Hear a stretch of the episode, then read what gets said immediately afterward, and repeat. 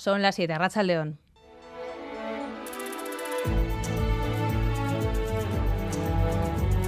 En Radio Euskadi, Gambara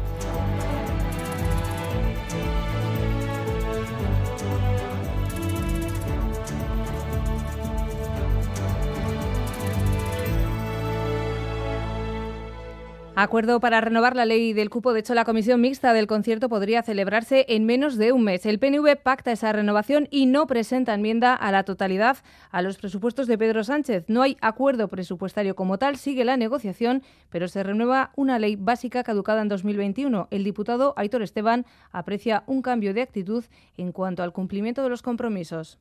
En estos momentos les puedo decir que para final de año, haremos un balance, creo que será un balance, creo que será, no, va a ser un balance satisfactorio y que efectivamente en estos últimos meses se ha invertido eh, la tendencia que llevábamos.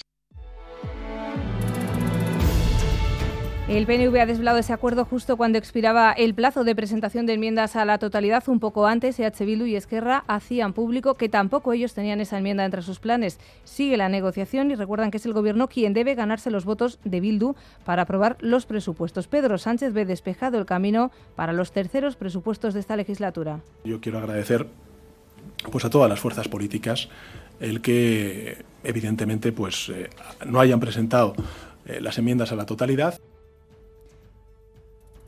La otra noticia de la tarde llega de La Rioja. Habrá recurso contra la denominación Viñedos de Álava. Fernando Esquerro de la denominación Rioja habla de demasiado ruido. El viceconsejero de Agricultura, Víctor Oroz, defiende el derecho de las bodegas de Rioja Alavesa de diferenciarse.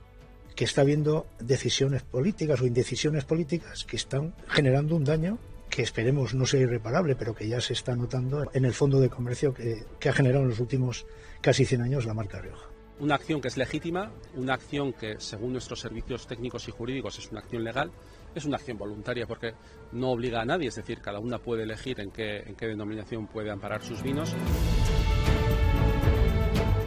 Ya está en casa Aymar, ya les han dado el alta y ahora se preparan para pasar su primera noche alejados del hospital de Basurto. Esta mañana en Radio Euskadi hemos escuchado a Pedro, su padre, muy emocionado, todavía recordaba el momento en el que se confirmó que su hijo había sido localizado. John Fernández Mura, Racha León. A Racha León, sí, esta mañana se pasaba Pedro Castro por Boulevard para contarnos cómo pasó las peores horas de su vida, cómo hasta las 4 de la mañana no llegó el primer rayo de esperanza, las primeras pistas y también cómo a las 8 y cuarto de la mañana sonaba su teléfono. Al otro lado, Arcaich, su contacto en la Erzaintza con muy buenas noticias, el fin de la pesadilla. Pedro ha querido agradecer en estos micrófonos especialmente la labor de sanitarios y erzañas, pero también ha querido aclarar algo, que no le transmitieron el protocolo. No, no, no, no, para nada, no, no, no, no, no. Eh, del protocolo nada.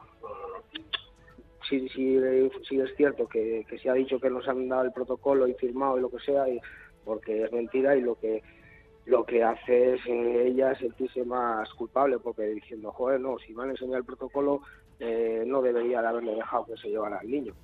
Por su parte, la mujer de 24 años, presunta autora del rapto, permanece en dependencias de la Archainza, aún a la espera de pasar a disposición judicial. También en Radio Euskadi ha estado la consejera Cochone Sagardu y ha remarcado que se revisarán las normas que haga falta para evitar que algo así pueda repetirse, pero remarca que ha sido un hecho aislado. Creo que estamos ante un hecho excepcional, un hecho grave, evidentemente.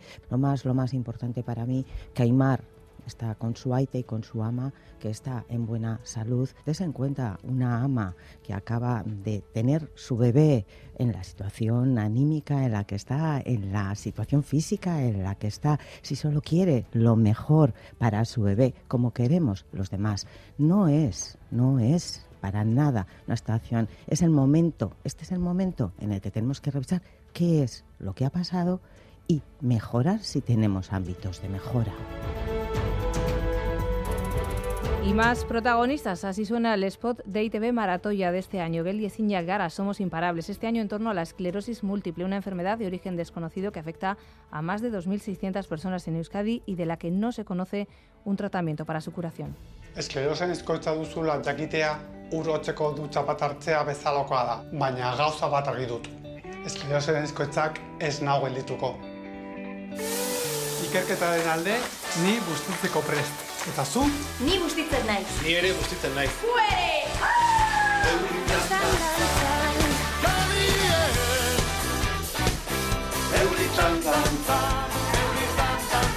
Esklerosian izkoitzak ez gaitu geldituko, elkarrekin geldi ezinak garelako.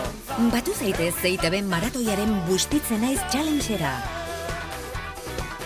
Bustitzen es el reto que se propone a la ciudadanía mojarse por la esclerosis múltiple con la banda sonora que escuchaban de Gatibu. Vamos ya con la actualidad deportiva. Edu García, Racha León. ¿Qué tal, Racha León? Tenemos dos citas para esta tarde-noche de viernes. La primera a las ocho y media en Lebues Arenas, la cuarta jornada de la Liga de Baloncesto y Vasconia recibe el Olympiacos. Dos eh, equipos que hasta ahora han ganado todo lo que han jugado en el torneo europeo, tres victorias para cada uno, así que se puede calificar como un pequeño choque de trenes. Y luego a las 10 la actualidad nos va a llevar hasta el mundo de la pelota. Frontón Ereta en Tafalla con el inicio de la segunda jornada de la liguilla de cuartos del cuatro y medio y un partido pues casi a vida o muerte. Van a jugar el Ezcano contra Azcurdia. Como ambos perdieron en la jornada inaugural de esta liguilla de cuartos, el que pierda hoy se queda ya sin opciones de meterse en semifinales.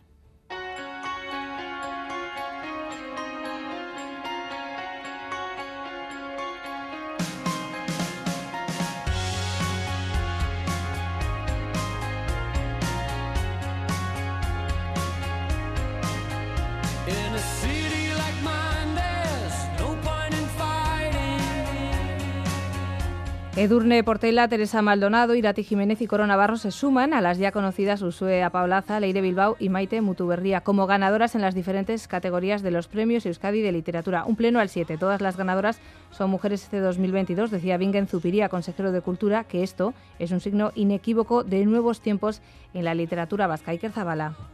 El premio de literatura en castellano es para Edurne Portela, escritora de Santurci, que ahonda en su novela Los ojos cerrados en temas que han nutrido anteriormente su camino literario. El jurado ha definido la obra como una novela coral que mediante la diversidad de voces teje un microcosmos donde los daños, los silencios o las vergüenzas se heredan de generación en generación. Literariamente ha supuesto para mí un, un reto y yo creo que un crecimiento. Por otro lado, es una obra que a mí me ha hecho profundizar más en, los temas que me han obsesionado siempre, la memoria de la violencia. El premio al mejor ensayo en castellano es para Teresa Maldonado, que ha mostrado su sorpresa, pues manifiesta que ha considerado su obra Hablemos Claro algo que comenzó como un artículo y que creció hasta convertirse en un libro que analiza el feminismo y la capacidad del lenguaje para generar capacidad crítica. La idea era más bien casi ser una autocrítica interna entre feministas. Fue porque también considero que el feminismo es ya lo suficientemente maduro como para poder hacer una crítica así, ¿no? A pecho partido. En la categoría de ensayo en euskera, Irati Jiménez se alza con el premio por Begiak Zabalduko Seiskizue, un trabajo que orbita en torno a precisamente la literatura en euskera. Y en cuanto a la traducción al euskera, Coro Navarro se impone por Fiesta eguskia jaikitzen da, adaptando la obra de Ernest Hemingway. Se destacan las decisiones de Navarro para emplear recursos propios del euskera sin perder la vitalidad y fuerza del original.